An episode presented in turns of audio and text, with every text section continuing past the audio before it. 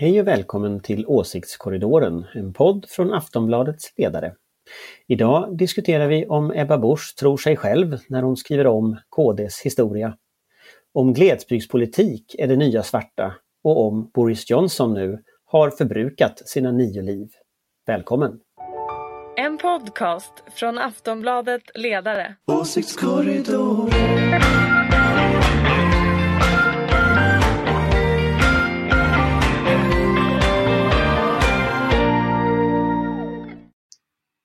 Och välkomna till Åsiktskorridoren. Det här är ju podden från Aftonbladets ledarredaktion där vi letar vårtecken i den politiska midvintern. Med mig har jag precis som vanligt några av landets vassaste kännare av svensk och internationell politik.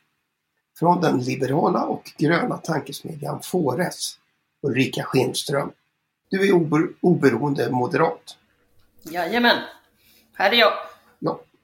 Från Aftonbladets oberoende socialdemokratiska ledarsida, Sina Aldevani. Hej hej!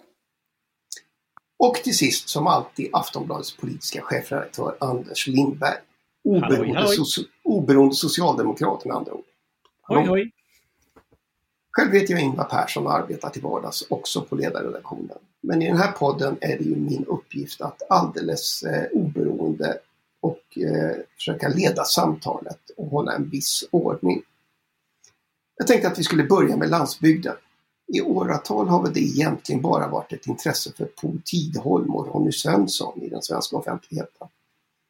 Men sedan Ebba Busch började prata om svenska hjärtlandet och Nooshi Dadgostar åkte på studiebesök till bruksorter tävlar partierna plötsligt om att utse landsbygdspolitiska talespersoner och hitta lösningar på, eh, för att göra det billigare att köra bil på landet. Är det bra partitaktik, Ulrika? Jag börjar med dig eftersom du ju har lite kontakter på landsbygden. Du menar om det är bra med landsbygdspolitik? Det är väl bra att ha en politik för allting som finns i landet, en plan för det så att säga. Eh, men eh, jag tror ju att eh, fokuset på, på landsbygden rent Alltså vad jag tror att de vill, det är väl att det ska bli fokus och så ska folk känna något slags utanförskap. Eh, och det har vi ju pratat om förr i den här podden, om det här med centrum och periferi. Jag tycker inte att det finns, ska finnas egentligen något motstånd mellan stad och land. Jag tror snarare att det finns ett motstånd mellan centrum och periferi. Och man kan nog känna sig att vara i periferin utan att bo på landet. Jag tror att man kan känna väldigt mycket att man är i periferin även om man bor vid Odenplan i Stockholm och man kan känna sig väldigt mycket i centrum i Årjäng. Så att jag tror ändå att det får inte bli några motsättningar för den där polariseringen tror jag bara skapar osämja på längre sikt. Men tycker du att du ser tecken på polarisering? Ja, jag ser tecken på att jag tror att det finns eh, krafter som vill öka polariseringen. Så kanske vi kan säga. Men eh, kommer det att fungera som partitaktik? Om vi börjar eh, där. Sina? Ehm, jag vet faktiskt inte. Jag tror att det finns vissa risker med det. Eh, och där är det ju som Ulrika säger, för jag läste en ny forskningsstudie som visar att som jämför då eh, glesbygden kallar de det med våra utsatta eh, områden i storstäderna. Eh, och, att, eh, och att trots att eh, sysselsättningen har gått upp så har inkomsterna gått ner där. Um, och det låter, men när våra politiker pratar så låter det ju väldigt ofta som att det skulle finnas en motsättning och uh, som med Vänsterpartiet som nu har jag tyckte att det var en ganska sexistisk rubrik i och för sig, att Nooshi Dadgostar flörtar med industrimännen eller vad det var. Men, men att, de, att de valde att slopa det här med, nu vi behöver inte prata om feminism, vi behöver inte prata om socialism, att, som att eh, man måste lämna vissa bitar bara för att kunna prata om just den här industriarbetaren eller glesbygden, landsbygden. Eh, det, så det finns ju absolut sådana tendenser. Eh, och risken är ju då att en del kommer känna sig uteslutna eh, ur det här som man pratar om då. Ehm, ja.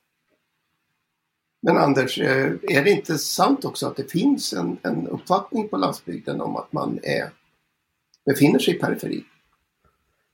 Det, det gör det ju och det, det är väl delvis också sant att man gör det. Eh, jag kommer ihåg när jag var aktiv i ja-kampanjen för euron så hade nej-sidan argumentet att det, det är ännu längre till Bryssel än till Stockholm. Och det, det, var ett väldigt bra argument i stora delar av landet. Att eh, på något sätt flytta makten till, till eh, Bryssel var liksom inte populärt på något sätt. Så, att, så att det, det, finns ju absolut och det är klart att det, det också finns som någon slags eh, subversion av kulturkriget nu. Just när det kommer till liksom bilar och, och vargar och den typen av frågor som, som, som i någon mening splittrar stad och land. Men jag vet inte om det går att göra en sån valrörelse i Sverige. USA, den är ju kopierad från USA mycket. Att det är ju Trumps valrörelse man försöker skapa. När, när Bush 2 pratar om hjärtla, eller Bush förlåt, pratar om hjärtlandet, då är det ju liksom the heartland. Eh, det är ju en direktöversättning. Och, och jag är inte säker på att det finns ett hjärtland på det sättet i Sverige. Vi är ett extremt urbaniserat land. Och eh, jag vet inte hur mycket väljare heller det, det, handlar om. Så att jag är inte så säker på att den valstrategin är, är så bra. Jag kan fundera om, om, ta, om tar Södertörn till exempel. Det bor en halv miljon människor på Södertörn.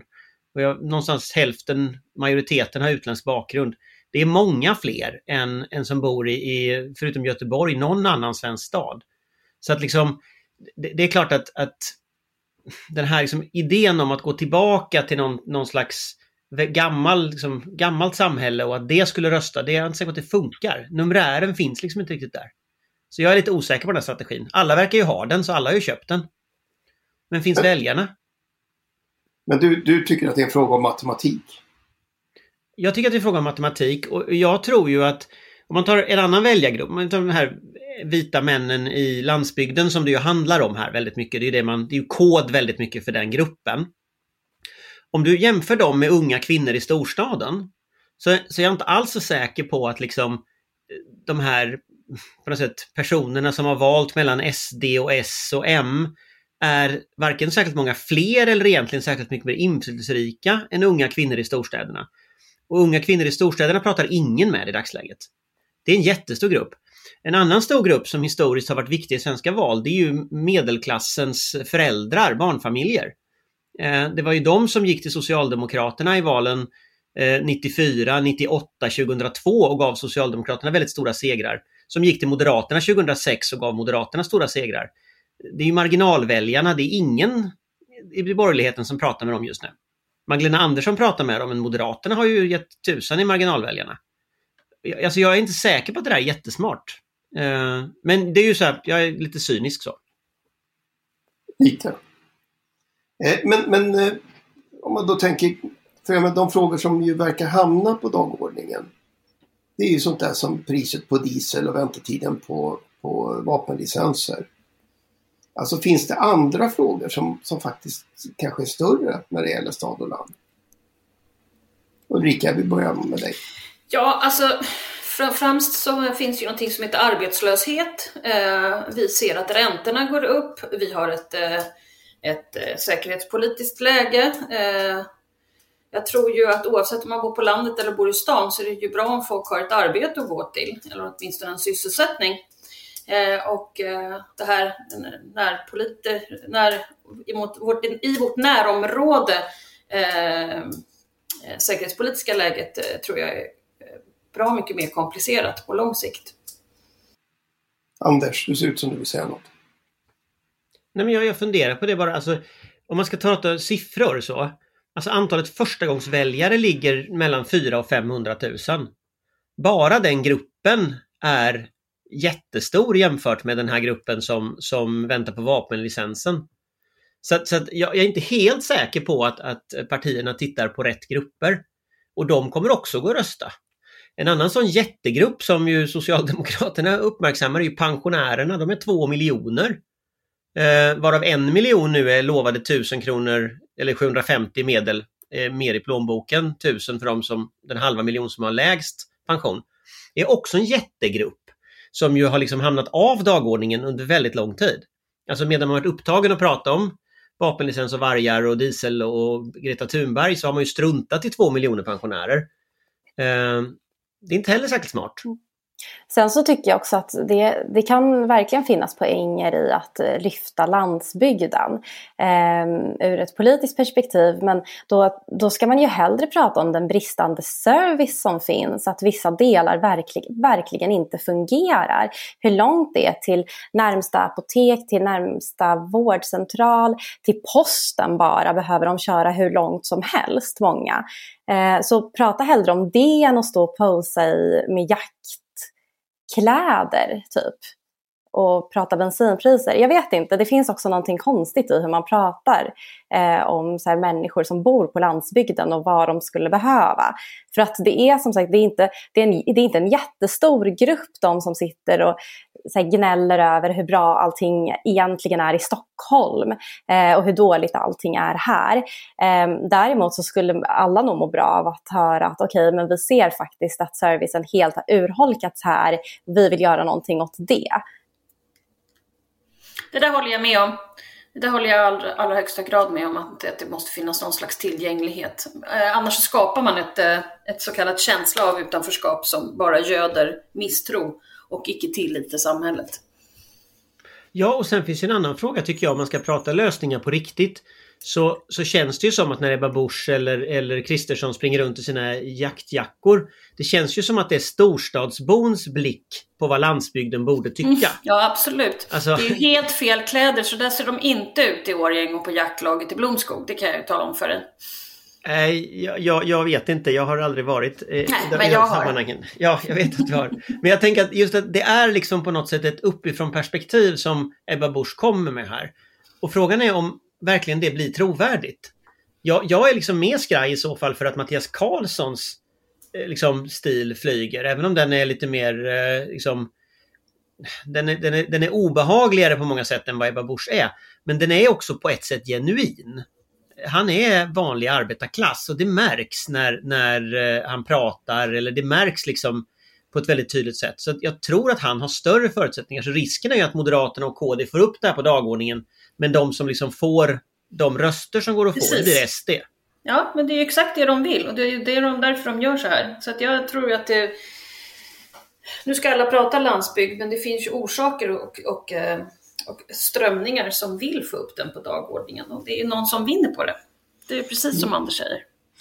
Fast vänster, tänkte... Vänstern har ju varit rätt värdelösa, både sossarna och Vänsterpartiet har varit rätt värdelösa på att ge svar å andra sidan.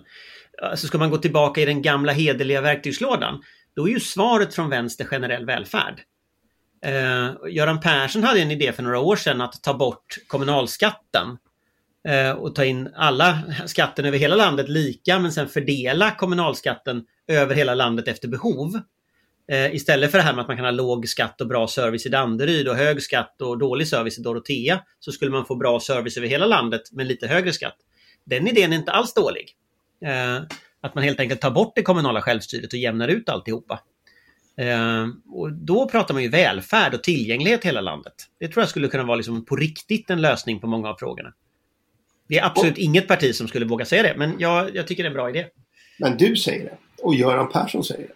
Eh, sa det i alla fall. Sa det. Eh, jag, jag, ska, jag ska först bara bekräfta Ulrikas eh, modespaning från eh, jaktlaget i, i Årjäng. Eh, med att det ser ut så i Läckomberg också. Eh, sen, tänkte jag att, ja, sen tänkte jag att, eh, att eh, Anders säger ju att man har glömt bort pensionärerna. Det ska inte vi göra. Eh, det kom ju som sagt ett förslag i veckan eh, och du har ju beskrivit det som att ungefär en miljon ska få upp till 1000 kronor extra i månaden.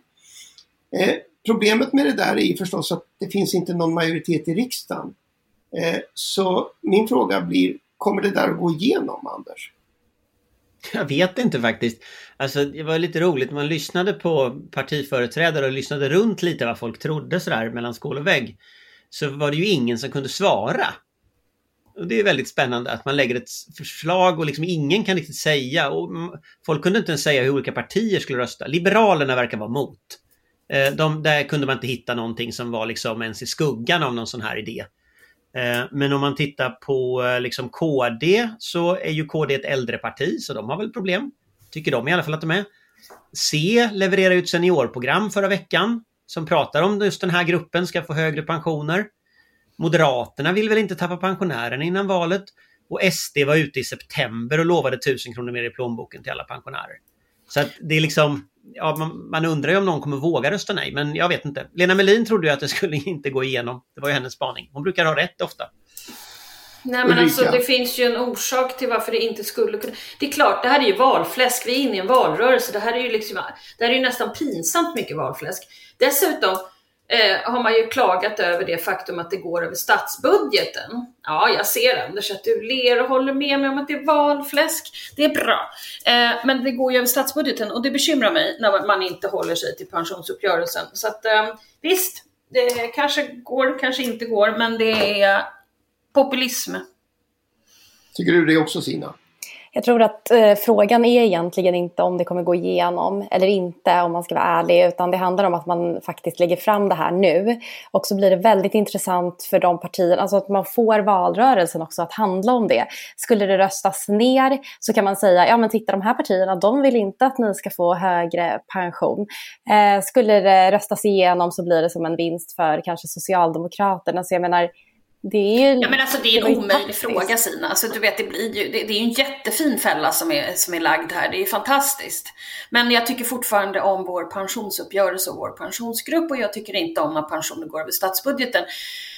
Men som sagt, det är val i år. Men vad menar du är en svår fråga? Ja, men det är en svår fråga i den bemärkelsen att jag kan ju också tycka att man ska ha högre pensioner, men då kanske man ska göra det efter det system som vi har och inte bara lägga lite, lite valfläskpengar över statsbudgeten. För tänk om det är någon annan än Socialdemokraterna som styr landet. Det kan ju gå åt skogen. Ska vi hålla på och ge pensioner över statsbudgeten hela tiden så kan det ju gå åt skogen om någon annan leder landet. Jag säger bara att jag tycker om vår pensionsuppgörelse. Men, men, men det finns ju två problem med pensionsöverenskommelsen. Det ena är ju att den här gruppen har ju halkat efter väldigt väldigt mycket. Och löftet från början var ju trots allt att vi skulle ha ett pensionssystem som, som ändå hängde med i den allmänna ekonomiska utvecklingen. Och det kan vi konstatera att det har inte fungerat. Vi kan också konstatera att besluten om att ta ut pensionsavgifter som skulle gå till pensionssystemet och finansiera har ju inte riktigt hänt i verkligheten. Så hela systemet är i dagsläget underfinansierat. Och, och, och då, Men då kan man ju börja med att se över systemet. Även, Istället för att lova saker som ska göra. göras över statsbudgeten. Mm. Man kan se mm. över systemet. Man kunde ha gjort det här för länge sedan och inte göra det till valfläsk i typ första februari 2022. Fast Men, kontantstöd av den här konstruktionen eller liknande konstruktioner ägnar sig också Anders Borg åt vill jag påpeka. Ja men jag har inte sagt, är han, är han, är han någon slags är han något helgon? Nej, eller jo, det är han väl i vissa Oj, Anders Borg, också han, politiker och ja, håller på med valfläsk. Ja, fast det är en lite intressant... Ja, fast det är en intressant invändning att Anders Borg faktiskt också ägnade sig åt den här typen Anders av kontantöverföringar till pensionärer. Moderaterna har vi, gick, gick, vill jag minnas, 2006 med en valaffisch där det stod Ja, det är tio år sedan och nu Anders Borg har tagit sig in i Facebook. faktiskt mer än tio år sedan. Ah! jag dör. Sluta upp med det där nu. Nej, nej, det kommer jag inte göra. Moderaterna gick 2006 till val med en valaffisch där det står du ska få tusen kronor mer i plånboken till alla som jobbade. Och då finansierade man ju faktiskt det genom att sänka skatten för de som jobbar, men inte för pensionärer och skapade den så kallade pensionärsskatten. Ja. Och det var också valfläsk, de tusen kronorna. Ja, men då har du erkänt det här också är valfläsk. Bra, då är nej, det Alla politiker ett... gillar valfläsk. Fast Ulrika, på ett sätt så är ju allting i ett valår naturligtvis lagt med tanken att man ska, man ska vinna. Men mm. Moderaterna ville sänka skatten även innan de la valfläsket. Då. Nej, är det en nyhet för dig? Och Socialdemokraterna ville höja pensionerna Nej, men, även Anders. innan detta. Så det är ingen särskilt bra argument att det är valfläsk. Argumentera Nej, men jag gillar att man istället. hedra våra konstruktioner av statens konstruktion. Det är väl ingen som har hedrat, ingen har hedrat den där konstruktionen sedan dess. I alla fall inte Moderaterna. Eller Socialdemokraterna. Nej, men det är ju mig du frågar, så jag står ju inte på något partis Nej, sida. Nej, jag vet. Men, men, men bara... om... Absolut, men pensionsöverenskommelsen levererade inte vettiga pensioner. Och då kan man nog inte säga att ni bryter pensionsöverenskommelsen. Det tror faktiskt inte jag alla de här pensions... Uh, nej, jag tror att vi kan... Jag ska nog ta reda på lite saker här inför nästa vecka så kan vi prata pensionsfrågan igen. Vi lär få komma tillbaka till den. En sak du eh. jättegärna får ta reda på det är hur Moderaterna ska rösta. För det är jag jättenyfiken på. Jaha, nej det tror jag är svårt att göra. Men däremot se hur höga våra pensioner faktiskt är. Det kunde ju vara spännande. som sagt, vi lär få komma tillbaka till frågan för det är väl uppenbart att det här blir en, eh, en riktig thriller. Ja, detta bara... är en thriller och jag tycker den är spännande. Det är därför jag bråkar lite, för jag är lite förtjust i den här frågan. Men, men finns det inte också en viss skönhet ändå att man lägger ett förslag där människor får tusen kronor mer i augusti när, när valet är i september. Alltså det finns... Ja, nej men alltså det förstår du vilket valfläsk det är? Så här upphöjt till tio ja, valfläsk. Det finns inte något vackert i att man, man hymlar liksom inte utan det. här kör man. Jag förstår att du tycker det Anders. Sen är det, faktiskt, sen är det faktiskt Vänsterpartiets idé alltihopa vill jag påpeka. Så att, så att, eh, ja, det gör det ju inte bättre va? Alltså det, ja, det gillar Vänsterpartiet också att påpeka i och för sig. Men, men jag vill bara säga det, för annars så kommer jag få många arga mejl om att... att, de, mm, att men det, det får man ju hela tiden. Ja. nu, nu är det noterat Ja, den här frågan, den ska vi köra. men eh. man måste ju ändå säga att Ulrika gav ju ändå det här förslaget att det var listigt i alla fall. Ja, men alltså du vet, jag gillar när det är stilpoäng på saker. Mm. Men det behöver inte stilpoäng är det att få en utbetalning i augusti? Ja, men jag menar, du, du, sa att det var vackert. Jag säger, ja, smart. Absolut. Jättefint jobbat. Okej, bra, alla är överens om att pensionärerna förtjänar lite mer. Jag tänkte faktiskt att, att vi skulle, vi lär som sagt återkomma, men jag tänkte att vi också skulle ta upp Ebba Busch och KD en, en sväng till här. I en intervju i veckan sa hon till Dagens Nyheter att hennes parti grundades som en motståndsrörelse mot nazismen. Ja. Eh, en uppgift som kanske skulle ha förvånat de som startade KDS 1964 i Jönköping. Eh, men på Kristdemokraternas hemsida stod det dessutom uttryckligen att det svenska partiet inte grundats som en reaktion mot nazismen. Den texten ändrade man efter partiledarens utspel. Kan man få skriva politisk historia hur man vill? Alltså jag bara baxar, men det här är också, nu är det valrörelse, nu har de internt i KD blivit arga på Ebba. Alltså vi gillar inte riktigt det här närmandet till SD. Det finns någon falang där antagligen som är förbannade. Så att då behövde hon väl lugna dem. Men det blev lite fel. Men, men är det inte helt enkelt så att hon bottnar inte riktigt i, i historien? För, för den här sägningen att, att eh, Kristdemokraterna grundades som en motståndsrörelse mot nazismen och så vidare. Den kommer ju från tyska CDU, den kommer ju inte från svenska partiet. Men hon tror liksom att hon är Angela Merkel så hon kan bara fortsätta argumentera på något sätt i tangentens riktning trots att det ja. svenska partiet inte är en del riktigt av den historien.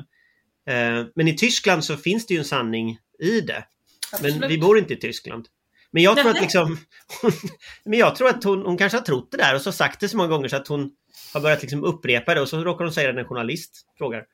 Men, men, men Sina, alltså det här att man sen då går in lydigt och redigerar partiets historia på hemsida. Vad säger det om, om liksom, kulturen i politiska partier? Ja, alltså vad säger det? Jag vet inte. Vet någon ens varför Kristdemokraterna bildades? Jag läste någonstans att det var som en protest mot att religions eller kristendomsundervisningen skulle läggas ner i svenska skolor. Ja, det är nog, det, Men, är nog den eh, allmänna uppfattningen i, i, svensk, eh, i skrivandet av svensk politisk historia. Ja. så det är ju lite, det är ju ett litet steg mellan eh, liksom den typen av skolpolitik och att stå upp mot eh, nazismen kan man ju säga.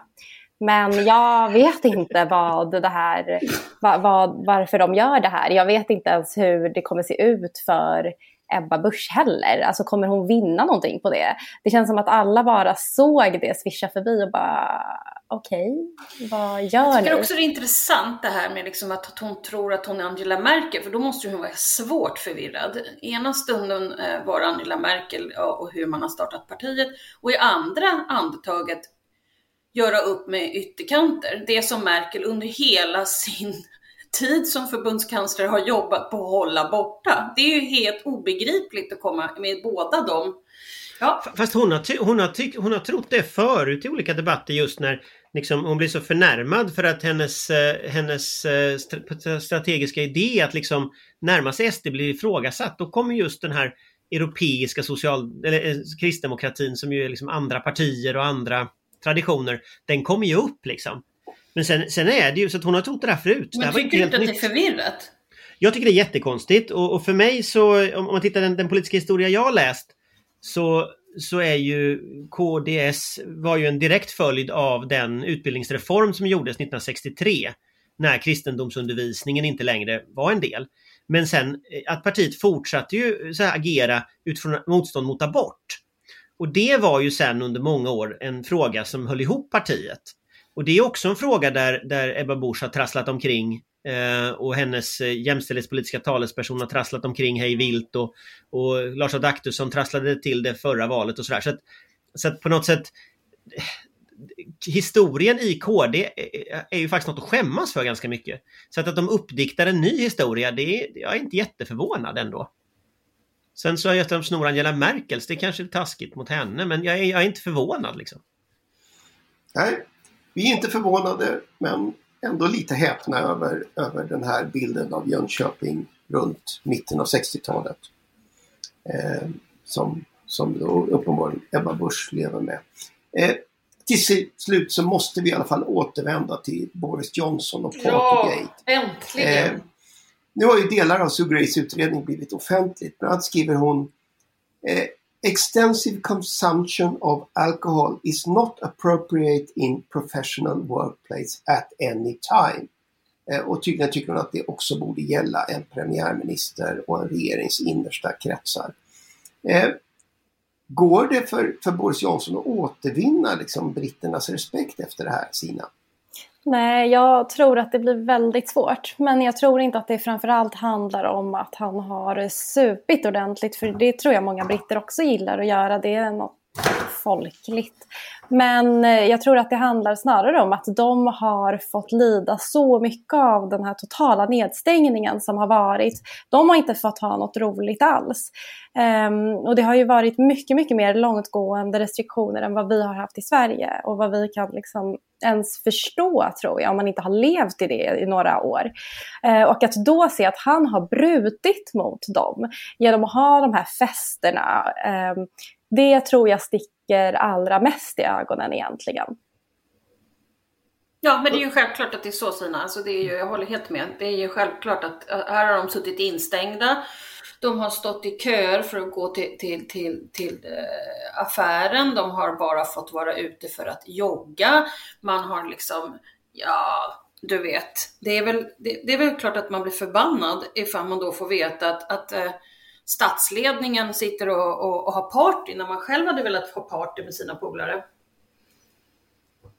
Det är kommer, klart. Men jag tror han kommer klara sig. Alltså, det är ju helt obegripligt. Alltså, om han inte nu blir bortröstad och de håller på och myglar och så. Men han är ju som en katt med nio liv. Jag tycker det är otroligt fascinerande.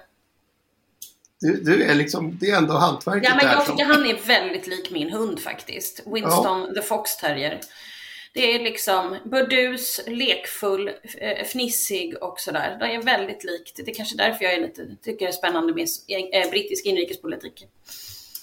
Ja. Men, men, men har inte det att göra också med vilka förväntningar man hade innan? För jag, alltså Sina har ju helt rätt. Det här, all politisk logik säger ju att man borde dumpa den där gubben längs vägkanten liksom. Så. Men, men det beror ju på förväntningar och en sån här klassisk grej i politiken det är att spela ner förväntningarna för en själv. Och han har ju verkligen spelat ner förväntningarna. Alltså, det är ju ingen som tror att man har valt en hederlig person, en hårt arbetande person, en, en eh, på något sätt överhuvudtaget kompetent person. Men han är, han är väldigt kul. Ja, jättekul! Och, och, och, det är klart att nu har han visat sig vara helt ohederlig och inkompetent. Jaha, so what? Det var ju det de röstade på.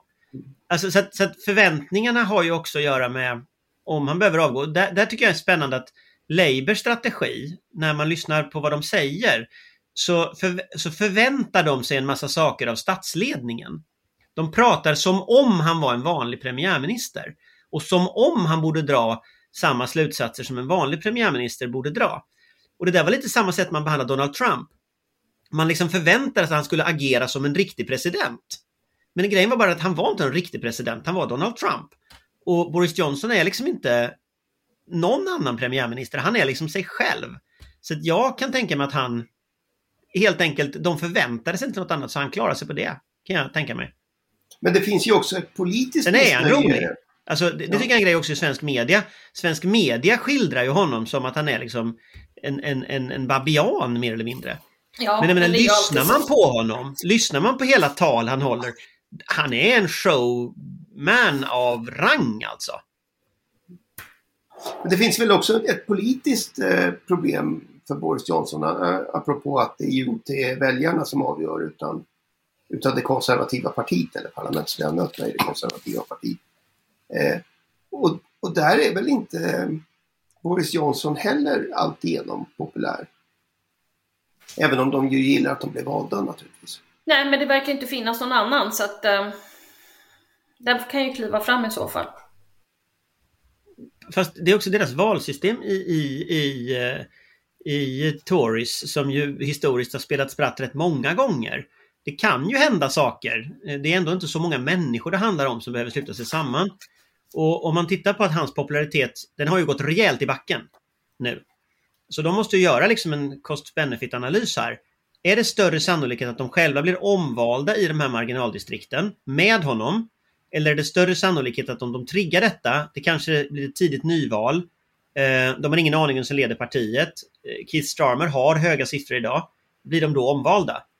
Alltså det är inte en helt ologisk analys att komma fram till att ah, men det kanske inte är skitbra idé att skapa politisk kaos nu och riskera ett nyval.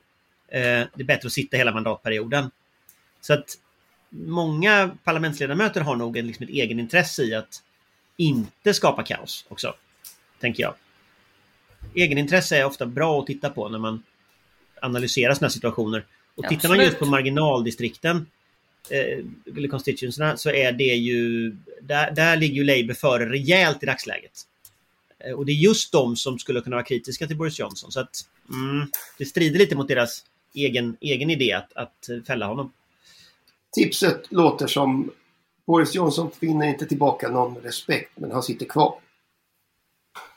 Ja. Kanske. Det, det, finns ju en, en, en joker här och det är polisutredningen. Det, det, de utreder ju ett antal av de här fyllefesterna som eventuellt brottsliga också. Eh, det kan rita om kartan rejält. Men jag tror att han överlevde Sue Gray, det tror jag. Scotland Yard är hotet som återstår. Ja, jag kommer inte ihåg vem som gjorde utredningen. Men eh, det var det tror jag snarare. Men det slår mig också nu när du säger Donald Trump, alltså när du jämför med honom. Jag tror att det finns ett problem med det för att Trump, visst han kanske var lite så här en clown i våra ögon men han var ju så här superpopulist, han är fortfarande det. Eh, och tilltalar verkligen de här personerna som hatar, säger sig hata hyckleri i politiken och han är så rak. Alltså det som Boris Johnson hållit på med det är ju raka motsatsen till populism i så fall. Eh, och han har ju verkligen hycklat på ett sätt som den typen av väljare faktiskt hatar. Så det är också någonting som här, går emot den tesen att han skulle vara så himla bra. Alltså att man kan jämställa honom med Trump på det sättet nu. Håller helt med om det Stina. Det är exakt så. Men svensk media har lite svårt, de tror liksom att det är samma och det är verkligen inte samma. Mm. Eh, tokigt är det, men inte samma. Jag tror faktiskt att det är allt vi hinner med idag. Eh, det, det, tiden går fort. Eh, det här kan bli ett, kanske det, det sista poddavsnittet som spelas in under fulla restriktioner. Eh, det kommer ju nya besked i nästa vecka. Eh, vi kommer få prata om det då, vad de än bestämmer. Eh, och hur det än är så kan jag försäkra att det kommer finnas ämnen för panelen, hur vi än spelar in. Pensionerna. Pensionerna naturligtvis. För min del återstår bara att tacka panelen förstås. Tack Ulrika, tack Sina och tack Anders. Och ett stort tack till dig som lyssnar. Den här podden finns till för dig. Vi är tillbaka om en vecka. Missa inte det. Hej då! Hej, hej! hej. En podcast från Aftonbladet Ledare. Åsiktskorridoren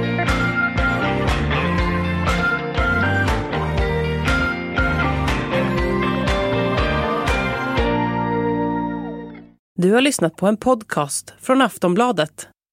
Ansvarig utgivare är Lena K Samuelsson.